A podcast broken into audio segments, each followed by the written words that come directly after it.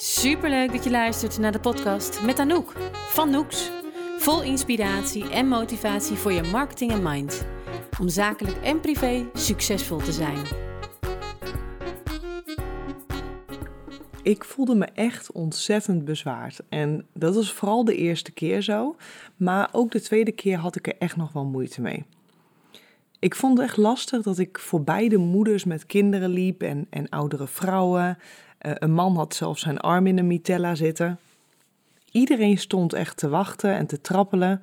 Iedereen wilde vertrekken. We hebben immers allemaal een gezamenlijk doel om op een bestemming te komen die we ja, eigenlijk allemaal hebben gekozen. Een gedeelde bestemming. We gingen allemaal naar dat tropische land toe, terwijl onze ervaringen uiteindelijk totaal gaan verschillen. Op vakantie natuurlijk, maar ook onze herinnering aan de reis er naartoe zal enorm uit elkaar liggen. En ik vond dat echt lastig, omdat ik het altijd heel belangrijk vind dat iedereen ja, even, uh, uh, evenveel kansen krijgt. En dat ook iedereen dezelfde ja, hoe heet dat, behandeling verdient. En natuurlijk wel op basis van uh, wat iemand zelf er ook insteekt. Hè? Dus wel op basis van de moeite die iemand er zelf ook voor wil doen. Dus ik vond het echt heel erg lastig om dat onderscheid, om daar oké mee te zijn. En vooral nu ik aan de kant stond van, nou ja, laat ik het zeggen, uh, de, de betere kant wil ik niet zeggen. Dat klinkt heel erg helemaal niet wat ik bedoel. Maar wel dat ik aan de kant stond van waarin ik een hele fijne beleving zou hebben. En uh, ik me daardoor heel erg opgelaten voelde door wat de andere passagiers in dit geval zouden denken daarover. Nu ik dus in de rij voorbij mocht lopen om, om als eerste in te kunnen stappen. En inmiddels al aan de champagne te kunnen zitten, terwijl de rest van de passagiers allemaal nog druk bezig was met hun, hun bagages uh, in, die, in die vakken boven het, boven het hoofd uh, te drukken dacht ik echt, hoe kan ik hier nu van gaan genieten? En het is vier jaar geleden dat ik voor het eerst business class vloog naar Curaçao. Terwijl ik een jaar daarvoor nog heel hard riep aan de balie dat we een upgrade uh, naar business class voor uh, New York echt niet gingen doen. Aangezien de Bali-medewerkster vertelde dat het 350 euro per, per persoon extra was. En uh, ja, ik vond dit een enorm bedrag in mijn redenatie was het een vlucht van zes uur. En ging ik, ook al zou ik business class vliegen, net zo goed naar dezelfde bestemming als de mensen die in comfort class zaten. En 350 euro extra voor een fijne stoel, nou, dat vond ik, um, dat vond ik echt uit verhouding. Dus ik zei tegen mijn partner, samen is dat 700 euro. En daar kunnen we een heleboel andere leuke dingen voor doen. Ik vind het echt zonde als dat in uh, zes uurtjes verdampt. Maar ja, ik had ook eerlijk gezegd geen idee, geen clue wat het inhield om business class te vliegen. Dus ik kon het ook eigenlijk helemaal niet goed op waarde schatten. En dat op waarde schatten, daar word je natuurlijk enorm mee doodgegooid. En je hoort het op social media, denk ik, vaak genoeg voorbij komen dat je je waarde moet verhogen, uh, dat je jezelf of dan wel je product en dienst op waarde moet schatten, dat je meer waard bent, uh, voor je waarde gaan staan, nou ja, noem het maar op. De list, de list is endless. Maar de waarheid is eigenlijk dat die waarde bepaald wordt door je klant. Natuurlijk start hij wel met wat jij jezelf waard vindt als aanbieder. Want dat bepaalt alles aan hoe jij, uh, hoe jij achter jouw product of je dienst staat, hoe je je positioneert, wat voor prijskaartje eraan hangt. Natuurlijk heeft dat uh, connectie met hoe je over jezelf denkt, hoe, hoezeer jij ervoor kunt gaan staan. Uiteraard is dat een onderdeel, uiteraard. Maar je klant die gaat uiteindelijk uh, de waarde bepalen die kijkt wat hij het waard vindt om jouw product of jouw dienst aan te schaffen. Het lastige is alleen dat ze er heel vaak geen inschatting van kunnen maken, omdat ze simpelweg niet weten wat het oplevert. En dat is precies hetzelfde zoals ik had met de business class ervaring. En het is aan jou als ondernemer om die waarde over te kunnen brengen. Om echt goed te weten wat belangrijk is voor je klant. En precies op dat stukje, daarin mag je dan gaan accelereren. Kijk, bij de business class ervaring kreeg ik in mijn beleving alleen een betere stoel. En dan had mijn partner, die had vaker business class gevlogen. En die zei wel van, nee, maar weet je, je krijgt ook lekkere wijntjes. En uh, je krijgt, um, uh, het eten is wat beter. Maar ja, goed, ik had er nog eigenlijk geen goede voorstelling bij. Dus voor mij, om dat op waarde te kunnen schatten, was heel lastig op dat moment.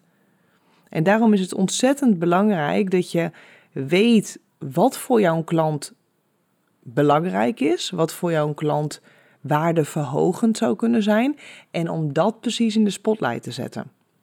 Hey, ik wist niet dat een business class beleving niet alleen maar een mooiere stoel was, maar echt een compleet betere um, ja, reiservaring zou zijn in verhouding tot de economy class.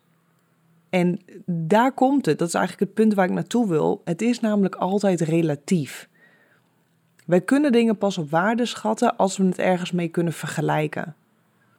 We kunnen er pas een, een label aan hangen als we ook de andere kant hebben gezien. We waarderen altijd iets in vergelijking met iets dat we wel kennen. En het staat dus altijd in relatie tot iets anders. Net zo goed als dat je donker nodig hebt om licht te kunnen waarderen. En we, we ervaren ook helemaal geen heftige emoties als we de tegenstelling niet kennen of als we die niet hebben ervaren. En ook dit stukje is al aan jou als ondernemer om het verschil zichtbaar te maken. Om precies het bruggetje te slaan tussen wat is al bekend voor jouw klant en wat is het onbekende, of tenminste voor je potentiële klant. Dit was ook een onderdeel waar de dame achter de balie, toen ze de allereerste keer die business class wilde verkopen voor ons reisje naar New York, echt heel erg tekortschoot. Want zij reageerde alleen maar op de vraag of er nog stoelen waren in de business class. Het was eigenlijk het was niet haar um, uh, intentie om de stoelen te verkopen. Het was niet uh, zij die met de vraag kwam. Uh, mijn partner die, die stelde de vraag van... Goh, is, is, er een upgrade mogelijk naar business class? En wat zijn de kosten dan? En in plaats dat zij ons nog even meenam, of mij dan in dit geval, want voor mij was het nieuw... in de beleving van business class deed ze geen enkele omschrijving van eventuele voordelen... van um, uh, wat de meerwaarde is van business class, wat je er allemaal extra bij kreeg. Wellicht omdat ze ervan uitging dat we er al bekend mee waren. Maar dat is natuurlijk een hele gemiste kans. Dat zeg ik niet goed, het is een hele gemiste kans. Het is, het is heel erg zonde. Het is echt een gemiste kans en het is een, het is, um, ja, een aanname die, die je duur kan komen te staan. Het is een veelgemaakte fout ook, dat, dat dingen worden aangenomen zonder echt verder te vragen. Terwijl dit stukje ons juist zo onwetend houdt. Want als we bereid zijn wel op vraagstukken, of vraagstukken op, op um, uh, vragen die ons gesteld worden, echt door te vragen, als we bereid zijn om steeds nieuwsgierig te blijven, dan ontdekken we veel meer. En nieuwsgierigheid werd misschien vroeger wel afgestraft als kind. Of um, ja, wordt toch nog steeds een beetje gezien als iemand die, die zich met een ander bemoeit. Of, of die wat nosy is. Terwijl als ondernemer is het een super waardevolle kwaliteit of een eigenschap eigenlijk die je hebt. Als je nieuwsgierig bent, krijg je de allermeeste informatie. En dat zorgt ervoor dat je, nou ja, dat je gewoon um, beter op de hoogte bent. En beter snapt waar jouw klant, uh, wat zijn of haar behoeften zijn. Maar goed, even terug naar het stukje dat iets waarde krijgt zodra we het in het licht plaatsen van iets anders. Terwijl dat precies ook het stukje is wat ons heel erg oncomfortabel kan doen voelen. Dat is nogal een tongbreker, hè? Het kan namelijk best wel een lastig gevoel zijn dat, tenminste zo heb ik het ervaren, dat uh, jij een andere behandeling krijgt dan in dit geval de andere reizigers. Hè, of als je een, ehm, een ticket koopt voor een event en je gaat, uh, je gaat een, een, um, voor de VIP-treatment, word jij net wat anders behandeld dan de rest. En aan de ene kant is dat leuk natuurlijk. Hè? Je wordt extra in de watten gelegd. Um, je, je krijgt misschien net iets extra's. Het wordt je, je wordt meer ontzorgd. Het is comfortabeler. Nou, noem het maar op. En dat, dat zijn allemaal hele fijne gevoelens. Maar het lastige daaraan is dat je het misschien wel moeilijk vindt richting de mensen die dan op dat moment die behandeling niet krijgen. Tenminste, dat was voor mij wel iets waar ik best wel een klein beetje mee struggelde. Als je heel erg voor gelijkheid bent en als je iedereen de wereld gunt en, en je ideale, ideale wereld die bestaat uit gelukkige mensen die in overvloed leven, nou, dan lijkt je wel wat op mij. Behalve dan dat ik gelijkheid ehm, een heel prachtig iets vind, maar dat, we, dat het vooral gaat om gelijke kansen kunnen krijgen. Hey, ik vind niet dat je per definitie iedereen gelijk moet behandelen. Want ik vind wel dat mensen die um, bereid zijn ook om extra moeite voor iets te doen, dat die wat dat betreft wel een voorrang uh, dienen te krijgen. Maar onrechtvaardigheid, hè, als, als het echt onrechtvaardig is, als de balans scheef is, dan ja, voelt het voor mij wel altijd een beetje zwaar. En onrechtvaardigheid is ook heel lang een thema geweest waar ik moeite mee had. Terwijl ik me realiseer dat het natuurlijk super subjectief is. Wat voor mij onrechtvaardig is, is dat voor jou misschien wel niet en vice versa. En ik ben echt met dit thema bewust bezig geweest door, door te erkennen en te, ja, om, door, door vooral te omarmen, laat ik het zo zeggen, en echt in te sluiten dat er nou eenmaal onrechtvaardigheid is in de wereld. En dat onrechtvaardigheid in ieder van ons zit of bij ieder van ons meespeelt. Kijk, het feit dat ik hier ben geboren en niet um, hè, in een gebied waarin ik in armoede of in hongersnood leef of, of in een oorlog ter wereld kom, is al onrechtvaardig. Ik bedoel, waarom zou dat wel rechtvaardig zijn ineens? Is het dan omdat ik daar niks aan kan doen, omdat het mijn lot is? Het lot is niet altijd rechtvaardig. Maar hoe meer ik me daartegen dan ga verzetten en um, weerstand op ga hebben, hoe moeilijker ik het mezelf maak en hoe minder ik eigenlijk ook in de gelegenheid kom om iets te kunnen bijdragen, om meer te kunnen bijdragen. Voel je dan een beetje wat ik zeg? hoe meer ik me verzet, hoe minder ik iets kan oplossen. En pas op het moment dat ik ben gaan accepteren en gaan insluiten van, nou ja, het zit ook in mij, het stukje. Hoe minder ik me daar eigenlijk um, ja, tegen ging verzetten en daar ook, hoe minder ik daar ook last van kreeg. En dat zorgde ervoor dat ik eigenlijk veel meer ja, ruimte kreeg om keuzes te maken die, ja, die leiden tot het leveren van een, van een echte goede bijdrage aan minder ongelijkheid. Want door te kiezen om meer te kunnen verdienen, kan ik ook veel meer andere mensen helpen.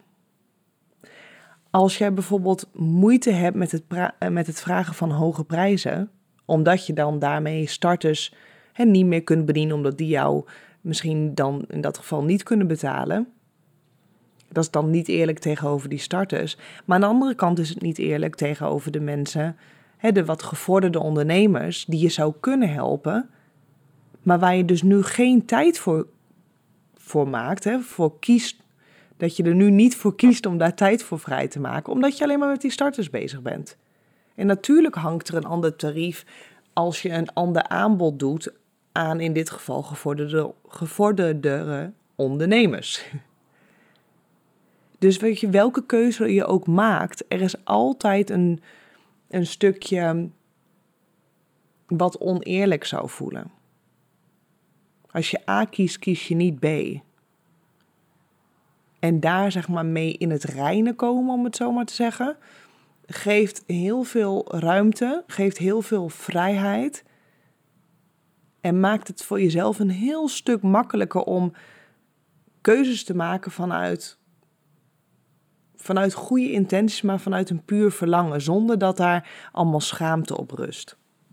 En realiseer je ook dat er verschil moet zijn om een unieke ervaring als dusdanig te, uh, te beleven.